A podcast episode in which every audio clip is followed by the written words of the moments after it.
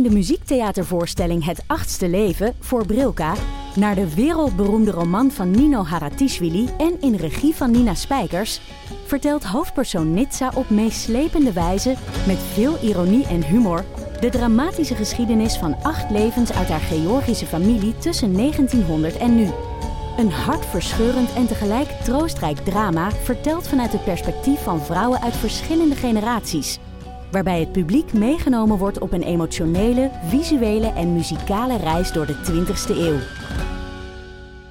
Koop je tickets voor het achtste leven via oostpol.nl.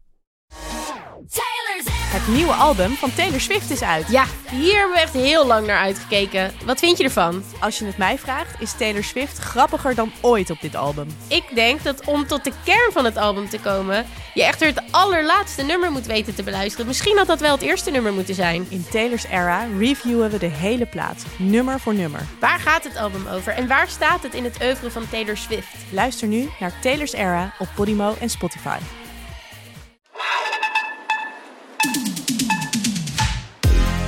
Welkom bij Schaamteloos Randstedelijk, de podcast over alles dat je wel bent, maar niet wil zijn. Mijn naam is Doortje Smithuizen. Tegenover mij zit zoals elke week Perre van der Brink. En zoals elke week houden wij onze luisteraar een spiegel voor en onderzoeken we de paradoxale relaties met de systemen om ons heen. Ja, en vandaag maken we een aflevering over vlees. Want vlees eten is slecht voor het klimaat. En om ons heen lijkt iedereen te minderen met hun vleesconsumptie aanbod van vleesvervangers is groter dan ooit. Maar is dat ook echt zo? Eten we echt minder vlees? En zo ja, is die daling genoeg? En zo nee, hoe komt dat? En hoe gaan we het roer dan omgooien?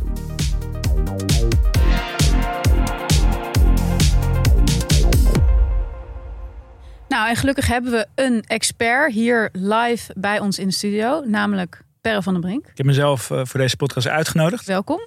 Dank je. Jij hebt natuurlijk je eigen vleesopvolger. Zoals je vleesalternatief. Dat... Oh, vleesalternatief. Ja. Oké, zoals je dat zo prachtig ja. uh, zelf hebt gebrand. dus jij kan ons uh, helemaal goed gaan vertellen over waarom en hoe je mensen minder vlees kan laten eten. Door middel van een, kunnen we zeggen, een premium product? We kunnen een, het is zeker een premium product qua smaakniveau. Oké. Okay. maar we willen wel schaal bereiken. De schaal is nog niet premium. Nou, dus premium is meestal synoniem aan kleine schaal. Uh, oh. Dus wat dat betreft uh, uh, wil ik een, hoe zeg je dat, toegankelijk Oké, oké. Okay. Nou, gaan we ook aan Maar wel premium smaakbeleving en premium merkbeleving. Dankjewel voor deze pitch. Graag gedaan. we gaan even verder. En voor, voor de um, antwoorden op grotere vragen gaan we bellen met Joris Lohman. Hij weet alles van transities. Hij heeft transitiewetenschap gestudeerd. En hij kan ons dus precies vertellen hoe je grote uh, systematische veranderingen teweeg brengt. Maar eerst de actualiteiten.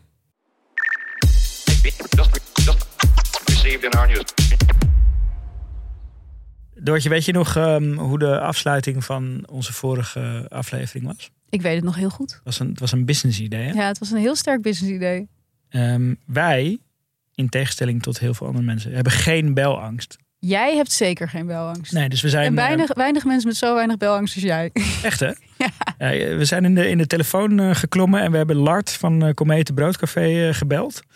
En we hebben hem uitgelegd dat we net die aflevering gewoon eigenlijk in de high van. we ja. waren net klaar met de opname. We hebben hem uitgelegd dat we rijk wilden worden. Precies. Zou het niet hilarisch zijn als wij gewoon echt een koekje zouden gaan ja. maken? En uh, tot onze grote verbazing uh, zei Lart: superleuk. Uh, Kom maar op. Let's go. Dus wij, gaan een, of wij zijn een koekje. Inmiddels uh, is het in ontwikkeling. Zei wij ik. zijn een koekje. Ja, wij zijn. Zo snel kan het Zo gaan. Op ene moment ben je een podcast, andere ja. moment ben je een koekje. Ja, en, en aanstaande zondag. Um, tussen 10 en 12 ja. in het Comete Broodcafé uh, aan de Korte, Kapa Korte Papaverweg in Amsterdam Noord is ons premium koekje te koop. Ja, en we gaan het zelf verkopen. We gaan hem zelf verkopen. Misschien in een koekjespak. Ja, weten we nog niet. Ja. We moeten nog regelen dan. Maar Jij gaat nog even een dek maken voor die dag. ja, precies. Ja. Maar als je het leuk vindt uh, en je bent zondagmiddag of zondagochtend, sorry, um, niet brak en je hebt wel zin in een heel lekker premium koekje, kom langs. Of je bent wel brak. Ja, of je misschien eigenlijk juist wel. Safe als je space. Ja, inderdaad. Iedereen mag Alles komen. Kan. Komende zondag. Kom, kom eten. broodcafé. Doortje, jij, uh, jij, jouw celebrity status begint wel steeds grotere vormen aan nemen. Je Ja. zat weer bij op één. Weer bij op één. Eh, de kleinste der spelers begint een medium speler Ik te worden. medium Ja. kleine speler te worden. Eh, nee, ik zat er gisteren weer, was heel erg leuk. Ehm, ik ging met Thomas van Groningen TikTok-video's bespreken van eh, politici, Mhm. lijsttrekkers. Ja, natuurlijk ehm, vanwege de verkiezingen die eraan komen. Ja. En ik had de media meiden toevallig geluisterd een tijdje geleden. En die hadden de tip dat je altijd je handen op Ja, tafel moet heb ik ook leggen. Dus gehoord. ik had natuurlijk wel netjes mijn handen. Ik zat tegenover Bram Endendijk, een andere journalist. En die zat het niet met zijn handen op tafel. Dacht ik, oh Bram, Handen leg nou toch talkshowtafel. handen op Ja. tafel. Nou, dus eigenlijk ging alles gewoon heel goed. Ehm, behalve dat ik een... ehm, ik, had, ik had een best wel licht eh blouseje aan, zeg maar. Mhm. En, ehm, en je krijgt een best wel zware microfoon daarop. Ja. Daar had ik gewoon even niet zo goed over nagedacht. Dus op een gegeven moment, terwijl ik helemaal... weet je, Ik, ik praat ook heel gesticulerend. Toen zei op eh, gesticulerend, is dat dat je met... Met je ja, handen? Ja, gestes. handen. Wauw. klinkt vies. Heerlijk woord. Ja, alsjeblieft. Dank je. Toen zei dus Welmoed tijdens een instart... eh, ja, je, je, hele blouse is eigenlijk opengevallen. Je ziet je BH. Dus toen kwam meteen zo'n regisseur bij om dat dicht te plakken. Oké. Zo, zo gaat dat. Dus ik was weer... eh, nou, ik Hoe lang dan Direct? eerst dat je door 10 seconden? Dat was heel snel. 15 dus seconden of zo. Ja, was je niet helemaal een beetje van je... Apropos? Nee, ik ben natuurlijk een professional, Ja. dus ik ga door. Je gesticuleerde door. En het was allemaal prima. En eh, nou, ik kreeg er dan één of twee opmerkingen over. En op zich maakt zoiets maar ook niet zoveel uit. Weet je, het is ook niet dat je nou bij mij... dat er zo ontzettend veel te zien is. Dus het is ook niet zo heftig. Maar wat het mij wel opleverde, en dat vond ik toch ehm, interessant... was mijn allereerste dikpik. Ja, echt heel fascinerend. Ik, Ja. Mijn eerste vraag toen, toen, toen je dit vertelde was... eh, eh, heb je Twitter bekeken nadat dat gebeurde? Als, Nee. eh, maar maar jij zei toen van, ik kreeg gewoon een dikpik. Ja. Ja, heftig. Ja, ik vond ook wel, het, het voelt toch als een eh, als de laatste fase toch in mijn volwassenwording die ik nog moest, eh, moest doorgaan. Dus Een denk soort ik voor- mijlpaal. Ja, ik denk voor vrouwen toch zeg maar ongesteld worden, eerste dikpik, overgang, dood. Zou je kunnen zeggen, hè? qua seksuele ontwikkeling. Ja. En eh, ja, ik, ik, ik, ik heb het overleefd. En van dickpics en onbewust openhangende decolletés. Blouses. Ja, is het een kleine stap naar Eva Jinek. Ja. Ik ben groot fan van Eva Jinek. Ik vind haar, eh, ja, ik vind haar echt geweldig Mhm. eigenlijk als presentatrice en gewoon als carrièrevrouw. Ja. En daarom ergerde ik me ook afgelopen week enorm aan de kritiek die ontstond eh, toen zij eh bekend maakte dat ze zwanger is. Eva Jinek is 44, is zwanger van haar tweede kind. Nou, je zou kunnen zeggen, geweldig, gefeliciteerd. Ja. Maar op de een of andere manier werken de Nederlandse media niet zo. Want dan zie je dat er toch weer mensen opstaan die ehm, ja, daar iets van vinden. Die Dus daar content van maken. ja, die bijvoorbeeld, de, bijvoorbeeld Maarten van Rossum, die, eh, die vindt haar te oud. En die vindt ook dat ze te lang heeft gewacht na haar eerste kind. Toen was ze 40. Dat is toch ongekend? Als een man van 44 zwanger zou zijn, zou toch niemand hier iets over zeggen? Hetzelfde geldt voor shownieuws, waar Patty Bart dan staat. En die zegt, ja, hoe gaat ze dat dan doen met haar carrière? Dat is toch heel onhandig als je een kind krijgt en je ook nog een eh, talkshow presenteert. Het is ook notabene de, de week van de Internationale Vrouwendag. Vrouwenmars was gisteren, Ja. eergisteren. Ja. Ja, ik kan, er, ik kan me daar echt kwaad om maken. Omdat ik denk, een man zou dit soort dingen nooit horen. Er zijn de, aan de lopende band mannen die op hun 44ste, maar ook 54ste, 64ste nog kinderen krijgen. Ja. En dan hoor je er niks over. Nee. Nee. Doet me denken aan de, de laatste tijd ehm, eh, ehm, is vrouwenvoetbal eh, en vrouw, eh, krijgt steeds meer aandacht. Mhm. En de- daar zag ik dan ook een, bij een aantal spelers die, die, die gewoon een zwangerschap hadden. En toen besefte ik me ook van, oh, wow, dit, dit is natuurlijk gewoon in het vrouwenvoetbal. Ga je er dan even tussenuit of zo? Ja, En, de- en hoe bizar, dat, is, dat, dat hoor je nooit in het mannenvoetbal. Dat iemand even nee, ja, hoogstens eh, mis je één wedstrijd of zo. Nou ja, of niet, of gewoon niet. Van, je hoort wel eens een commentaar van, ja, die, eh, zijn vrouw die staat, eh, of die is ja, dan doen ze zo'n bal onder een t-shirt en dan een duim in de mond en dan zijn ze vader. Dat zou Ja. Luis Suarez Zo bevallen voetballers. Ja. Heel mooi. Maar nee, het is, ik vind het echt stuitend. En je denkt toch dat we op een gegeven moment wel in een tijd zijn gekomen. Hè? Ook wat er nu, zeg maar, eh, medisch gezien allemaal kan. Dat, dat we toch accepteren dat vrouwen niet allemaal eh, op hun 25ste al een kind krijgen. Ja. Maar ja, dat valt toch echt enorm tegen. Ja, echt bizar. Ja. Gefeliciteerd Eva Jinnik. Ja, shout-out naar haar. Shout-out naar Eva Jinnik. Nou, voordat we verder gaan praten over vlees, vleesvervangers, vleesopvolgers. Wat zei jij nou net? Dat is eh, Vleesalternatieven. vleesalternatieven. Gaan we nog even langs in het reclameblok. Bamboe, draag alleen Bamigo. Haal er één voor mij en één voor mijn amigo. Bamigo. Bamigo. Doortje, jij, jij hebt vroeger in een, ehm, in een winkel gewerkt. Zeker. Heb jij de, ehm, de zin, ik heb hem zelf ook wel eens eh, eh, in de mond gedaan. Aan de lopende band, Ja, toch? terecht en onterecht. Ik heb die boxershort van Bamigo zelf ook. En? Hij is heel zacht. Ehm, en wij mogen in samenwerking met Bamigo een eenmalige kennismakingskorting van 20% aanbieden aan onze luisteraars. Kortingscode schaamteloos in hoofdletters 20.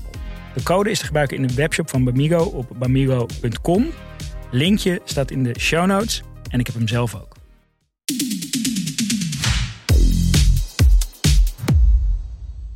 Oké, vandaag gaan we dus hebben over de voedseltransitie. Ja. Leek ons leuk. Ik, ik, ik heb een, eigenlijk een hele leuke aanleiding voor. Ik ga, ik ga aanstaande vrijdag ga ik eten bij eigenlijk een beetje Noma aan de Waal, zou ik Mhm. willen zeggen.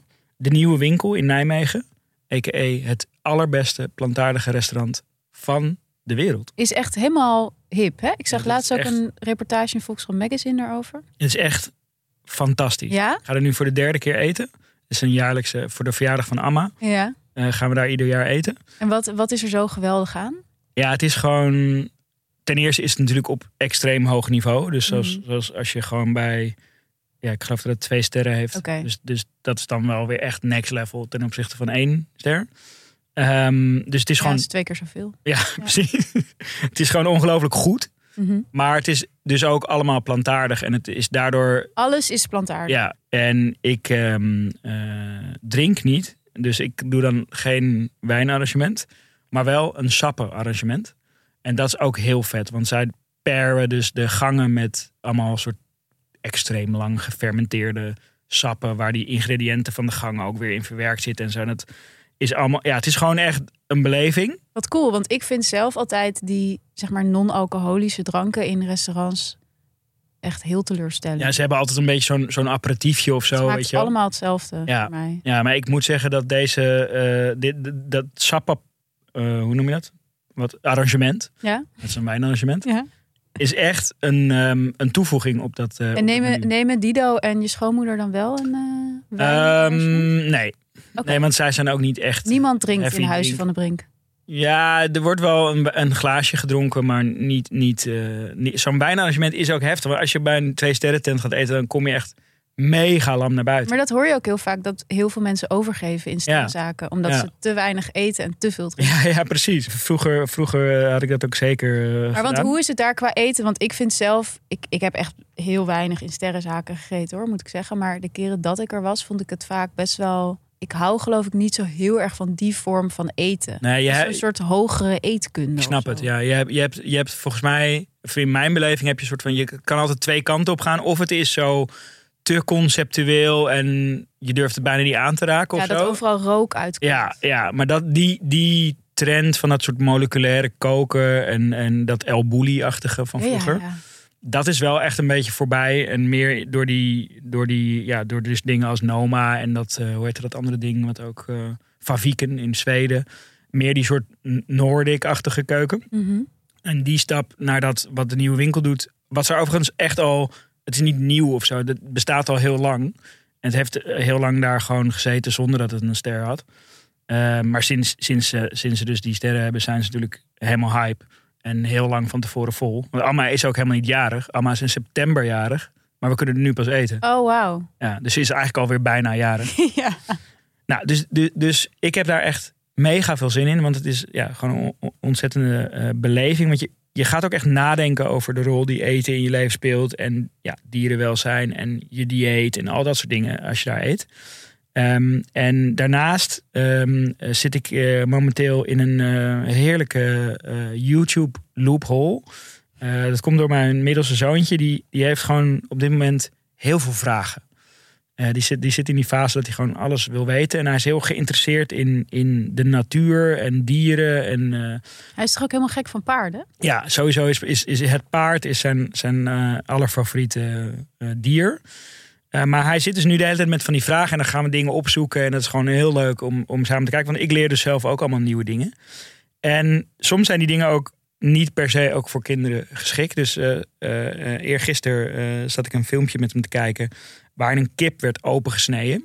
Eh, Want om- hij vroeg zich af hoe dat eruit zag. ja, ik, weet, ik, ik ben echt een beetje vergeten wat nou de vraag was die eronder lag. Maar in ieder geval, het, het filmpje was, die kip werd gewoon opengesneden. En ze gingen laten zien ja, wat voor ingewanden er allemaal in zaten. Op een gegeven moment eh, kwamen ze bij de eierstokken van die, van die kip. Eh, bovenaan die eierstokken zaten eh, eitjes die nog echt in de meest early fase zaten. En dan hoe verder je naar beneden kwam, werden ze een soort van meer eieriger. En aan het einde zat gewoon in die dode kip gewoon een, volledig, nou gewoon een ei met schil en alles. Ja. En, en, en die persoon ehm, die, die die kip opensneed, die haalde dat er zo uit. En ja, het klinkt misschien dom, maar ik was gewoon helemaal mijn connectie met een ei zit in een eierdoos of zo. Ja, ja, ja. Weet je wel? Dus, en dat die kip zo daar open lag en dat dat ei eruit kwam, was weer zo'n moment dat ik dacht, tering, dit is gewoon een commodity voor mij geworden, een ei. Mm. Weet je? Ik, ik, ik, ik associeer het bijna niet eens meer met een, met een dier. Met natuur. Terwijl ik ook nog bewust bezig ben met, met, met dat eten en met, met dat product en zo. Toen dacht ik, wow, dit, dit, Ja, dat je denkt, als ik dit al niet zo Ja. besef, hoe kunnen andere mensen Ja. het dan Ja, dus- beseffen? Ja, Hoe reageerde je zoontje eigenlijk? ja, gewoon, eh, ge- Gewoon- ge- geïntrigeerd. En, gewoon eh, door naar de paarden. Ja, en het was ook, hij vond het ook niet luguber of zo. Hij vond het Jij zat gewoon, helemaal met eh, tranen in je ogen. ja, ik zou, het, voor mij was het echt een moment dat ik dacht, jezus hé. Wat, een, wat een probleem hebben wij eigenlijk in hoe we met eten omgaan. Wat een mooie blik in jouw existentiële leven. Ja, Dankjewel. dank je, ja, graag gedaan. Oké, Per, jij zit dus af en toe met tranen in je ogen naar YouTube-filmpjes te kijken van Opengesneden kip? dode kippen. Ja. Eh, dat is nog niet bij iedereen zo het geval. Nee. En dat is best wel een probleem. Want als je kijkt naar onze eh, totale vleesconsumptie in de wereld natuurlijk, maar ook zeker in Nederland, dan is die gewoon veel te hoog. Ja. En de vraag is, hoe gaan we dat veranderen? Ja, als je kijkt naar de impact op het klimaat, dan moet er dus 75% minder vlees gegeten worden door de hele wereld. Om in de buurt te, te komen van de eh, klimaatdoelstellingen van, van het Parijsakkoord. Dus dat is, de- en dat, daar zitten dus ook zeg maar, culturen zoals, weet ik veel, Argentinië. Ja, Weet je, waar vlees soort van het epicentrum van hun cultuur bijna is. Azië, China. Ja, precies, precies. Die zitten daar ook allemaal bij. Dus, dus de, de, de, de transitie is echt onnoemelijk groot. Eh, dat, datzelfde geldt trouwens ook voor, voor zuivelconsumptie. Zuivel en, en vlees hebben de meest negatieve footprint op het klimaat. Ja, Dat, dat, dat is zo'n grote verandering. En ehm, het, ga, het, het, verandert. Weet je, dat is, het goede nieuws is dat het wel verandert. Ehm, maar ja, het- we zijn er echt zo bij lange na nog niet. Nou, en ik vond het ook, eh, als je kijkt hoe langzaam het verandert, ehm, vond ik het wel ergens confronterend om nu nog eens al die cijfers na te gaan. Want dat je ziet dat eh 40% van de broeikasgassen die vrijkomen bij de productie van het voedsel van een Nederlander, wordt veroorzaakt door vlees. Dat vind ik echt immens veel. En vlees heeft zo'n grote klimaatimpact, omdat het voor 1 kilo vlees gemiddeld 5 kilo ander plantaardig eten nodig is. Dus Ja. het is een soort. ehm, The gift that keeps on giving. ja, het is een soort vicieuze cirkel Ja. die zichzelf alleen maar vergroot, zeg maar. En wat ik ook interessant vond, en niet heel verrassend, maar toch, ja, toch als je die cijfers ziet staan, ook alweer confronterend, dat we dus, of dat de Nederlander gemiddeld gewoon veel meer vlees eet dan gezond is voor een Ja. mens. Dus gezond is maximaal eh, een halve kilo vlees per week. Mhm. Dat zou neerkomen op ongeveer 26 kilo per jaar. En gemiddeld eet een Nederlander 76 kilo per jaar. Dus dat is Ja. dus drie keer zoveel. Als je het gaat turven, dan eet je op veel meer momenten vlees dan je Dan door hebt of zo. Eet jij, eet jij vlees? Nee, ik eet denk ik nu één keer in de zes weken of zo vlees. Als ik een keer ergens ga eten en ik heb er zin in. Eigenlijk mee, eh, ik, ik merk ook dat, dat, in, dat ik het eigenlijk bijna alleen nog maar in restaurants eet. En dat het dan eigenlijk ook aan het afnemen is. Mm. Dat ik toch vaker denk van nee, laat maar. Komt ook omdat ik er gewoon de hele tijd mee bezig ben. Ja, dan is het ook een beetje raar om in een restaurant vlees te Ja, eten. weet ik niet. Want ik, ik, vind het ook, eh, ik, vind het ook niet per se hypocriet om wel eh, aan een vleesalternatief te werken en Nee, af en toe vlees te eten. Nee, daar gaan we het zo ook nog verder Ja. over hebben. Ik denk ook dat dat juist heel waardevol is om je relatie met vlees te veranderen in plaats van zo'n zwart-wit mentaliteit te hebben. Eet, eet jij eh, veel vlees? Nee, ik eet eigenlijk Ik eet wel vis af en toe. Mhm. En heel soms gevogelte. Ja.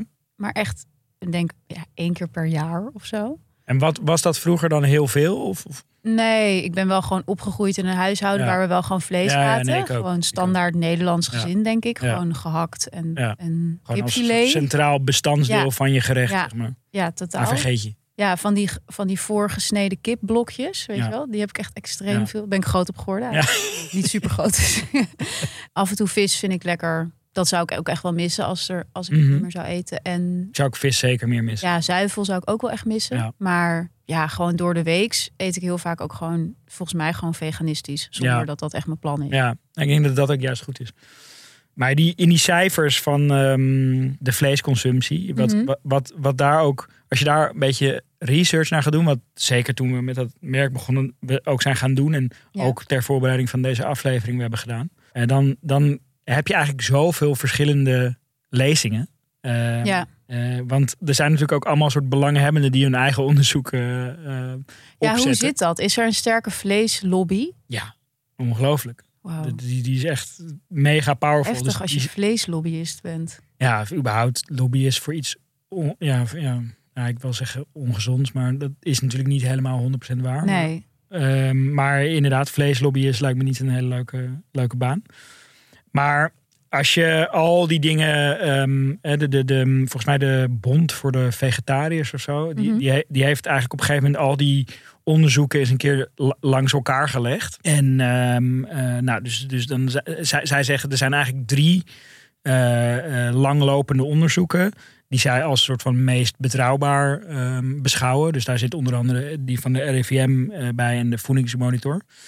Eh, en die zijn een beetje anders van opzet. Maar ze, die laten wel dus alle drie een stijgende lijn zien. ehm, in het aantal mensen dat nooit of vrijwel nooit ehm, vlees eet. Daar zit dus wel groei in. En waar ook veel meer groei in zit, is, is het aantal mensen wat zich identificeert als flexitariër.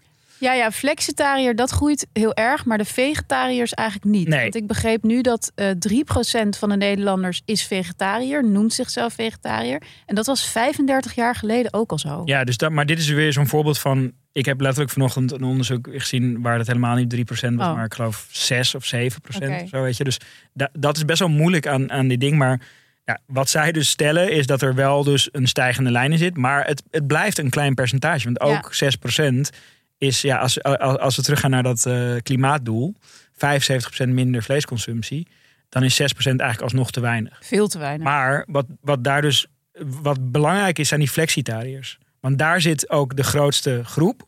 En dus ook de grootste potentiële daling in die vleesconsumptie. Want als je eh, eh, van zeven dagen per week vlees naar vier dagen gaat.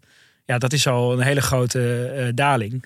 Ehm, en, en, en, en ik denk dat dat ehm, de belangrijkste groep is. En eh, eh, da- daar zie je dat de, de, de, ja, de, de kritieke massa al bereikt is. Dus dat de meerderheid van de Nederlanders eh, eigenlijk nu van zichzelf zegt: Ik ben een flexitariër. Maar dat betekent dus eh, iedereen die, ik geloof, drie dagen of meer per week geen vlees eet. Maar het is wel heel interessant, want als je kijkt naar dat cijfer van die eh 76 kilo Mhm. per persoon per jaar, wat Ja. echt, dat is gewoon een Ja, dat is gewoon een persoon. Ja. Weet je wel?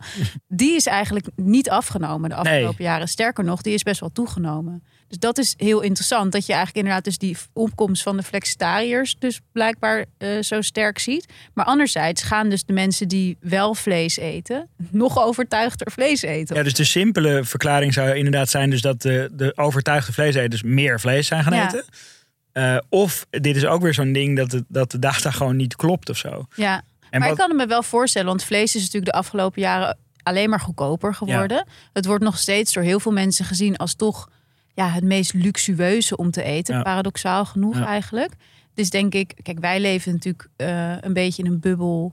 Ehm, met eh, eh, hipsters om ons heen die allemaal eh, vegan, glutenvrij, et cetera. En restaurants waar met biet, met een emulsie van biet, Ja. schuim van biet, zeg maar. Ja.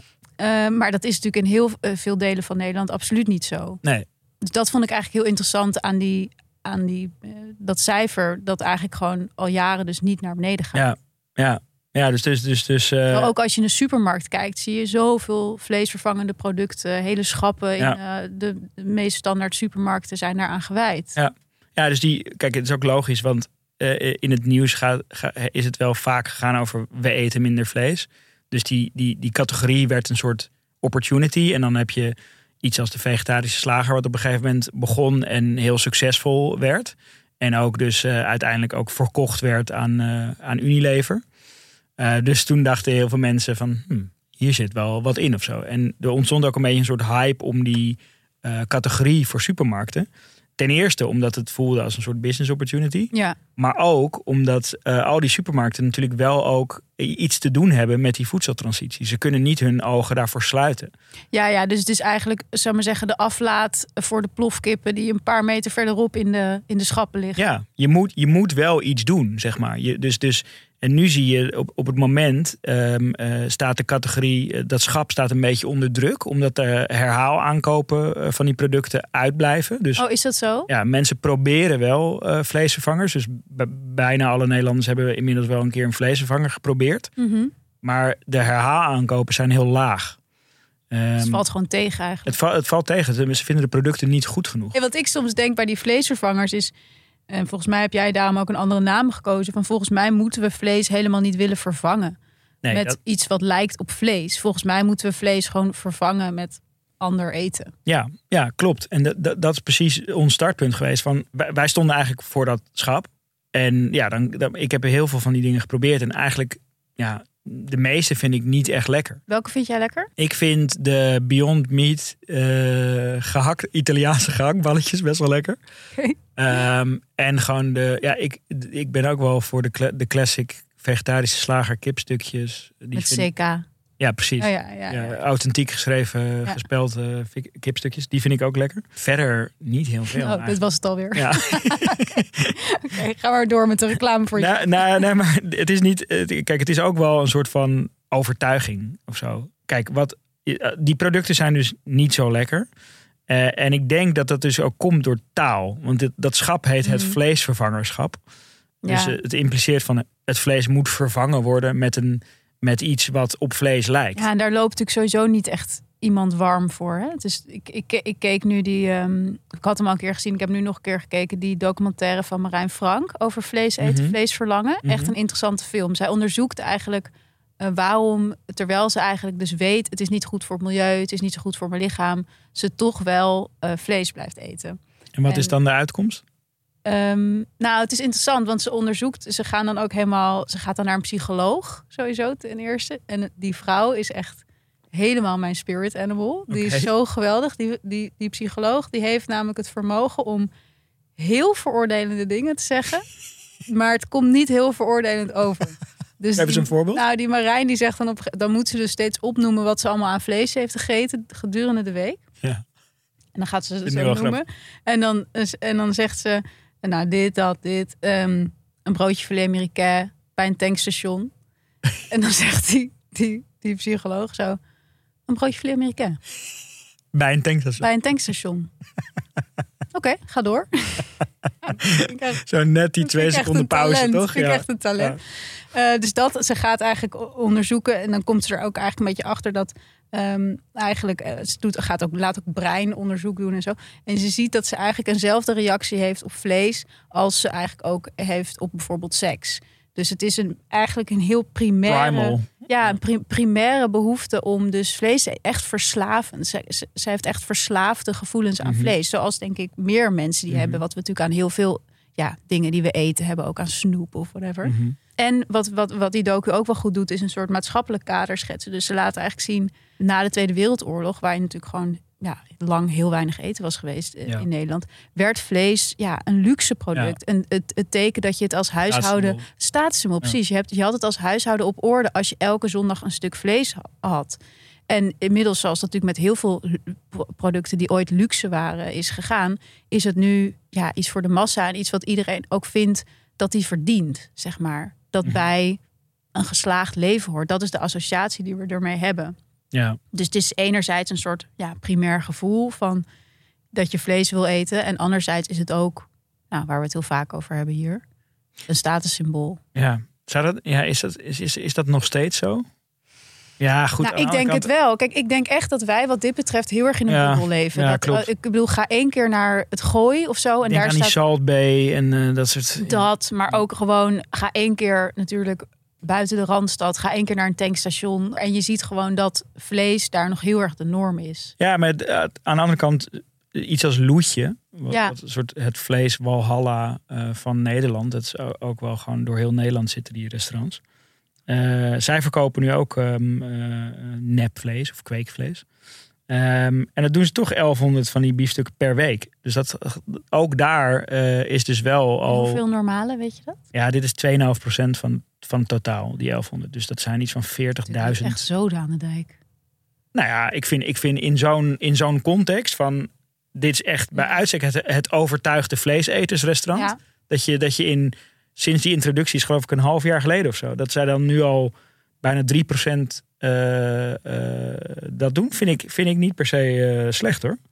Eh, juist vanwege het publiek. Volgens mij, wat jij volgens net, net zelf ook zegt, van je moet kijken naar wat, wat is nou een alternatief voor vlees. Dus hoe kun je een soort keuken creëren die eigenlijk om iets anders, waar je eigenlijk je gerecht om andere dingen heen bouwt. Dus groenten bijvoorbeeld. Ja, en dezelfde soort van sociale waarde ook creëren voor een bepaald product misschien. Waar we het over hebben met die statussymbolen. En ik heb Mhm. wel het idee dat dat gek genoeg al best wel gebeurt. Want je hebt natuurlijk de laatste tijd hè, allemaal van die... Ik bedoel, veganisme en zo was natuurlijk eh, tien jaar geleden nog echt een beetje een geitenwolle sokken ding. Ja. En inmiddels is dat juist ook heel erg iets van ja, hippe merken die dat omarmen. Ik zag laatst kreeg ik Nick, dan wel Simon, ik weet nooit wie wie is. Nick volgens mij. Ja, die grote in elk geval. Ja. Die kreeg ik met een sixpack eh als reclame op mijn telefoon. Dat hij blijkbaar ook veganistisch en een eigen vegan smoothie merk of zo heeft. Nou, in elk geval dacht ik echt, wat is hier gebeurd? Is Dat is wel weer gemonetized. Hè? Ja, maar is Dat moet ik Volendam, nodig zeggen trouwens. is Volendam veganistisch aan het worden? Weet je wel, zeg maar, waar gaat het dan heen? Maar goed, ondertussen zie je dus ook dat er niet zo heel veel verandert. Dus het lijkt heel erg op twee sporen te zitten. Dus enerzijds wordt dat veganisme en vegetariërschap steeds meer omarmd. Ook door commerciële partijen, Mhm. ook door supermarkten, ook door Nick of Simon. en anderzijds eh, gebeurt er eigenlijk niks. Of Ah. heel weinig. Maar dat is denk ik waar, wat, wat, wat ook een beetje die vleesvervangers zijn. Of waar ze voor staan. Of wa- waar ik zou vrezen dat ze voor staan. Is dat het gewoon een onderdeel is van hè, een beetje dat consumentenactivisme. Dat idee van op het moment dat jij één keer per week een vleesvervanger eet. Mhm. Jij lekker bezig bent. Terwijl er moet gewoon veel meer gebeuren. Ehm, willen we daadwerkelijk Ja, iets veranderen aan die uitstoot. En aan het gewoon in het algemeen te veel vlees eten door eigenlijk een heel groot deel van Nederland. En dat, Ja, dus los, je denkt- gewoon, dat los je niet op met één keer per week eh, kipstukjes, met alle respect. nee, dus jij denkt dat het toch in het, in het individuele blijft hangen. Dus dat je, dat, je, Ja, dat je jezelf gewoon goed voelt. Omdat je... ja, dat het in de virtue signaling blijft. Ja. ja, ik weet het niet. Ik denk, ik, ik denk toch wel... Nou goed, anders was ik dat bedrijf ook niet begonnen. Nee. Ik denk toch wel dat, dat, echt, echt, echt, dat daar veel meer eh, groei eh, nog eh, in gaat komen. En dat dat echt eh, gaat afnemen. Maar ik denk wel dat... Kijk, je moet echt keukens gaan herdefiniëren, toch? Van, er zijn zoveel keukens in de wereld die zo... En culturen, niet, niet eens alleen keukens... maar die zo draaien om de consumptie van, van vlees... Ja, eh, dat je dat echt helemaal ehm, eh, moet gaan eh Nou, herdefiniëren. ik denk dus eigenlijk dat we in plaats van zo inzetten, misschien op die vleesvervangers, toch ook meer moeten gaan inzetten op een soort mentale shift. Want dat zat ook heel interessant in die documentaire van Marijn. Dat eh, eigenlijk de vleeslobby alsmaar bezig is met mensen weghouden van de realiteit over dat wat ze eten. Mhm. Dus eh, we- hoe werkt de bio-industrie? Wat is eigenlijk die uitstoot? Wat is dat leed wat dieren allemaal Ja. moeten doormaken voor dat stukje vlees op jouw bord? Er is gewoon een hele l- lobbyclub elke dag bezig met dat weghouden van Ja. mensen. En ehm, zo, zoals die Marijn ook, ook merkte, die dus heel erg van vlees houdt, op het moment dat ze dat echt doorzag, ze gaat dan ook helemaal een koe slachten en zo Mhm. had zij automatisch gewoon veel minder behoefte aan vlees. Omdat Ja. ze weet wat er allemaal achter Ja. zit. En ik denk dat we daar veel meer op zouden moeten inzetten. Ja, dus iedereen zou eigenlijk een dier moeten schieten en Ja. het klaarmaken. Ja, als een soort toelatingsexamen voor als jij vlees wil eten. Ja. Oh, daar zou ik heel erg voor zijn. Ja. Best een goed idee. Ja, eh, ik, en ik denk eerlijk gezegd ook dat het ook wat strenger zou maar ik, Wat mij betreft zou er ook gewoon wel echt een accijns op, op, eh, op vlees eh, geheft mogen worden. Oh, 100 procent. Eh, om het, zo- kijk, want dat is natuurlijk ook het paradoxale aan de situatie in de supermarkt. Dus aan de ene kant heb je dat schap, wat heel lang heel, heel lekker groeide en nu even onder druk staat omdat die herhaal-aankopen dus een beetje uitblijven. Maar de supermarkt kan niet terug, want dit is het schap wat ook staat voor de, de voedseltransitie en Ja. staat voor, voor de nieuwe wereld. Maar aan de andere kant ligt er natuurlijk nog zo'n enorm financieel belang in het, in het vleesschap. Eh, dat kunnen ze ook niet zomaar er, er, eruit gooien, omdat het gewoon eh, financieel eh, gewoon niet kan. Ehm, dus ehm, eh, ja, wat mij betreft is dat ook wel een beetje aan de overheid om daar gewoon ook in te grijpen. Want zij gaan dat echt niet vanzelf doen. Ja, maar dat is natuurlijk heel interessant. Daar hadden we het net ook nog even over met Timo. Eh, dat, het, dat, het, dat het heel lastig is om mensen dus op te leggen dat ze geen vlees meer gaan eten. Want Timo vertelde, onze producent, dat ehm, eh, hier bij dag en nacht dan het idee was om eh, misschien één vleesloze lunchdag te doen. En dat daar ook meteen al een enorme backlash op was gekomen. En Ja. ik hoor dat bij heel veel productiehuizen, mediaorganisaties waar ik dan kom, dat ze daar proberen bijvoorbeeld één veganistische dag te doen. En dat dan iedereen begint te zeiken. Ja, ik, want- vind, dat- ik word daar altijd een beetje. eh, ik vind dat zo'n kinderachtige manier Ja, maar mensen, van denken. mensen sta- staan heel erg op dat idee van je moet het me niet opdringen. Je hebt daar, een- er is een fenomeen dat heet cathedral thinking. Mhm. Eh, dus vroeger maakten we natuurlijk gewoon kathedralen en soort gebouwen die eigenlijk ja, belachelijk waren. Dus Ja. met heel veel details en Waarbij beelderigheid. je al wist als je daaraan begon te bouwen dat je dood zou zijn als het Precies. af was. Ja. Maar je deed het voor het collectief of zo, Ja. weet je. Da- God. daar moet ik een beetje aan denken bij dit. Want ik denk van ja, come on, weet je. Je kan toch ook iets niet doen voor het collectief of zo, weet je. Je Ja. een beetje van je eigen comfort eh, inleveren. Ja. En dan heb je misschien een keer niet 100% je zin. Ja, precies. Precies. Suck it up. Ja, dag en nacht. Nou, en voordat we verder gaan praten over dit soort eh, maatregelen en over de vraag of het eh, nou wel of niet echt zou helpen als iedereen eerst een koe moet slachten als hij eh, vlees wil eten. Ehm, voordat we dat allemaal gaan bespreken met Joris Lohman, nog even een laatste bericht van onze sponsor HelloFresh. Hello, fresh. Hello, Want wij kunnen jou nog steeds tot wel 75 euro korting geven op je eerste vier boxen met de code Hello Schaamteloos 75. Dus alles in hoofdletters Hello Schaamteloos en dan 75.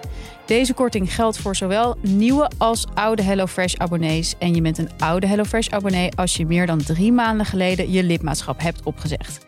De link vind je in de show notes.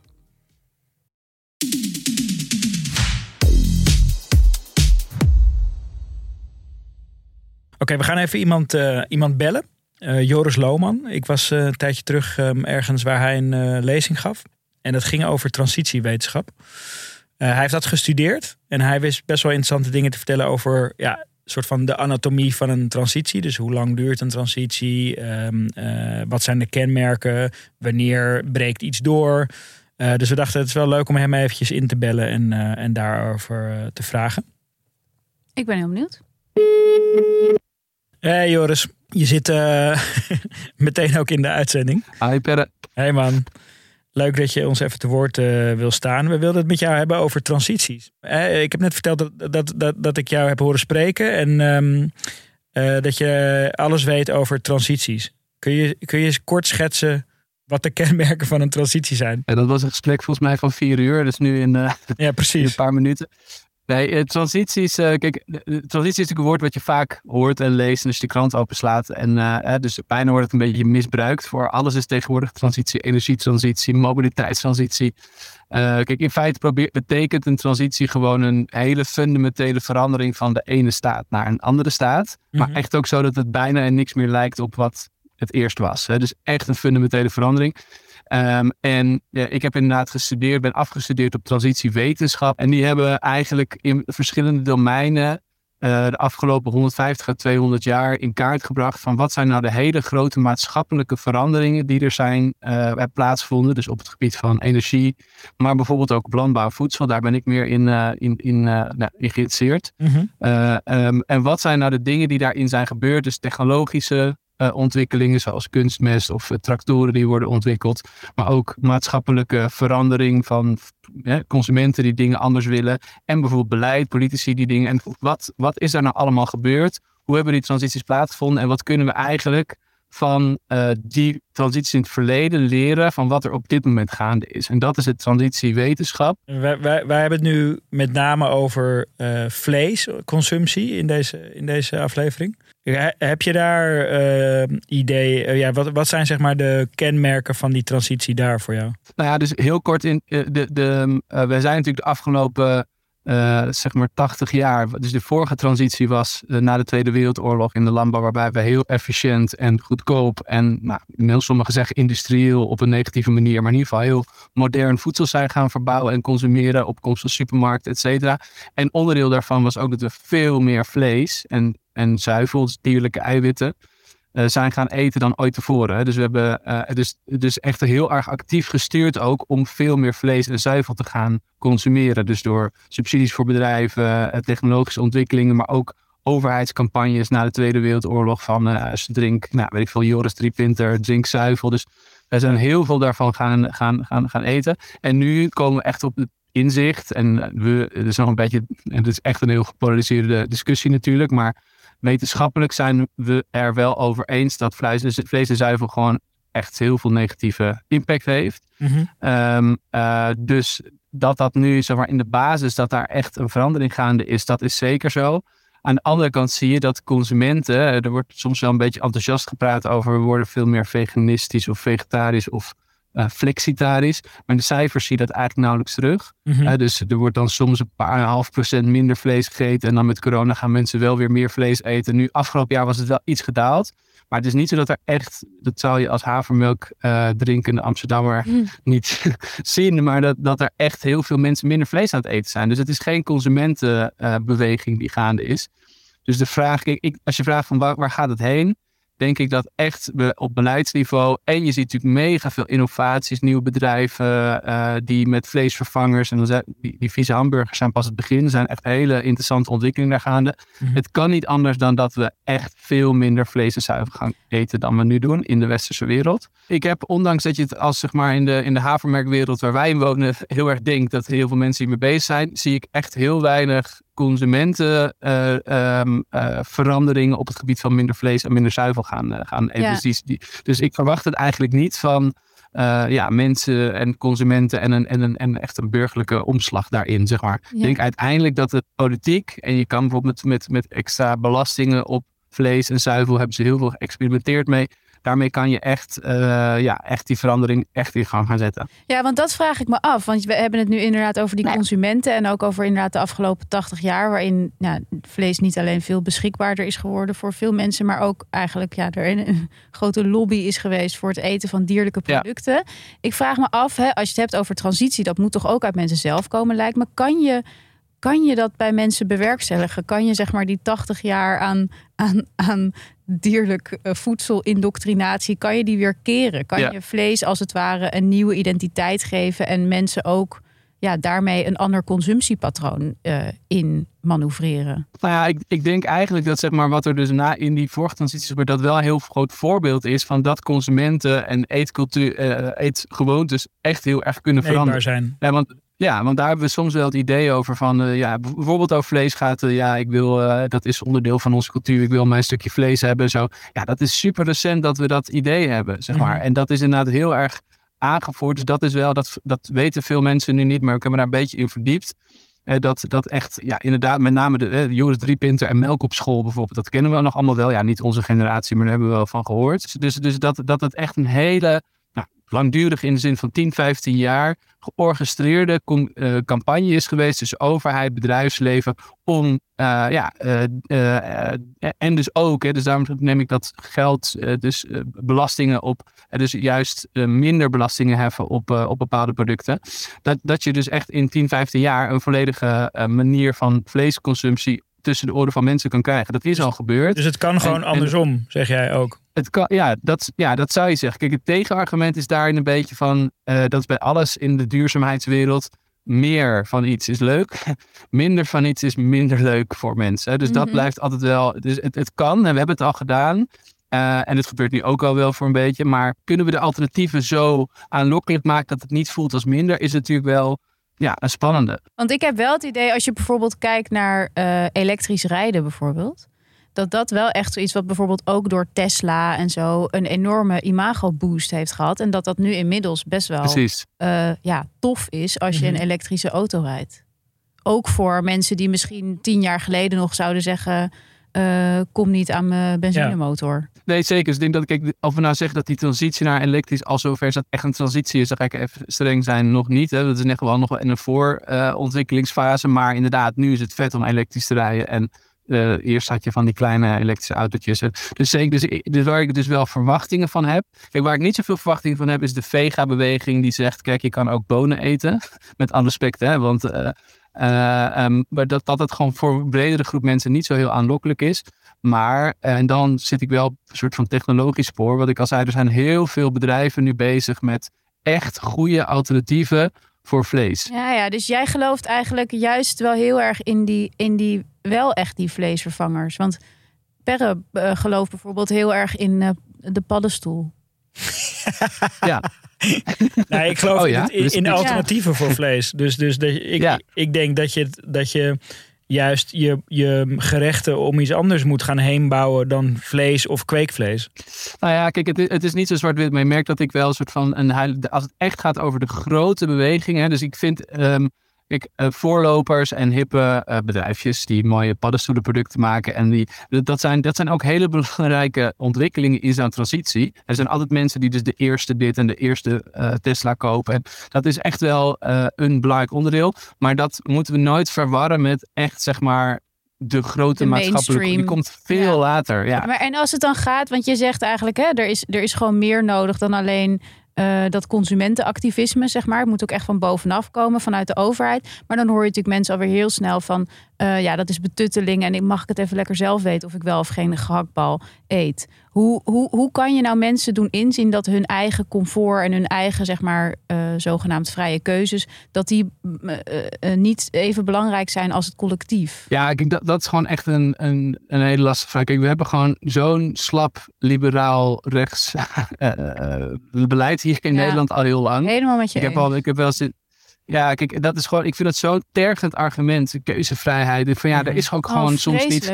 Maar ja, ermee. maar goed, kijk, wij Ja. zijn waarschijnlijk ook aan de linkerkant van. Dus het, ik heb ooit een keer met een VVD'er in een soort debat gestaan. En die dan. Kijk, een van de dingen is van ja, mensen moeten in de supermarkt zelf hun keuze willen maken. Dus het is niet aan de overheid om daarin te sturen op gezondheid. Of, toen zei ik, ja, maar wat weet een consument nou godsnaam van de duurzaamheid van een product? Ja, staat en ook schap, alsof dus dat een vrije keuze is. Die, Mhm. die is toch ook helemaal eh, beïnvloed door marketing. Die is daar neergelegd. Ja. ja. Ja. Precies, dus ik vind dat zo'n non-argument van je Ja. moet vrije keuze, want er wordt continu wordt er gestuurd in je voorkeuren. Ehm, eh, dus, dus, dus ja, en daar ben ik misschien, ik, ik denk uiteindelijk, en als je naar vorige transities kijkt, dat op een bepaald moment dus overheids ingrijpen. Dat zie je over nu wel gebeuren met EU, met eh, eh, labels die ze op gezondheid en straks op duurzaamheid willen zien. Dat is een soort gevecht. Maar dat dat wel echt zorgt voor een beweging die al gaande is. Dus inderdaad, er is. Het is niet zo dat eh, door de havermelk mensen de transitie gedraaid wordt. Maar het is wel een voorloop. En als je daar dan op een goed moment als overheid op gaat bijsturen. Dan kan je echt iets in gang zetten. En dat zal toch hi- hierin moeten gebeuren. Ehm, eh, en ik denk dat dat dus niet is. En ik denk dat een grootste deel van de mensen zullen er niet zo heel veel. eh, die worden niet overtuigd van dit is beter. Maar dat is dan eenmaal zo. En dan gaan ze daarin in in mee. Zeg maar. En dan en wordt het aanbod wordt, wordt anders. Dat is waar we denk ik voor staan de komende 10, 20 jaar. Ik denk dat wij even de overheid gaan bellen. Ja. Ja. ja, Perre heeft eerder, al, eh, heeft eerder al de belastingdiensten ook op de knieën Wordt gekregen. geroepen. Dus Ja. eh, ik heb goede hoop dat dat wel weer gaat lukken. hey, dankjewel eh, Joris eh, voor Ja. deze duiding en uitleg. En eh, nou, ik ben het helemaal met je eens. Thanks, Joris. Graag gedaan. En, eh, en veel succes. Dankjewel. Dankjewel. Joe. Doei. Oké, dus op naar de overheid. Ja, de overheid moet het. Ja, ik, ik ben het ook echt, echt wel met Joris eens. Ik ook. Weg met dat Taxes, taxes, taxes. Ja, en weg met dat idee van. eh, weg met dat idee van eh, betutteling. Weet je, daar, dat is zo ontzettend giftig. En ik vind eh, in principe gewoon in navolging van jouw premium belastingervaring. vind ik eigenlijk mijn idee dat iedereen die vlees wil eten. eerst een koe moet slachten. Ja, Vind ik helemaal niet zo slecht. nee. Vind ik ook een goed En idee. dan daarop die, nog die accijnsen. Accijnsje erbij. En doe eens een keer iets niet voor de greater good. Ja, En zeik er niet over. en zei ik niet zo. Juist. Dit was Schaamteloos Randstedelijk uh, voor deze week. Mocht je nou nog geen genoeg van ons hebben en onze betutteling... dan zijn we dus komende zondag live te bewonderen bij de, Cometen. Ja, bij Cometen Broodcafé in Amsterdam-Noord. Bij de, uh, de lancering, de verkoop van onze eigen koekjes. Ja, tussen 10 en 12. Het is chocola, pistache en nog iets, geloof ik. Hè? Ja, daar kunnen we. De, de rest is een verrassing, wat er nog meer in zit. Geheim Geen additieven. Uh, we zijn niet zoals de vleesindustrie. En we gaan ze zelf ook bakken, toch? Zeker. Morgen. Zeker, zeker. We gaan aan de slag voor jullie. Precies. Dus we zien jullie heel graag allemaal dan, komende zondag. En uh, tot, tot volgende week.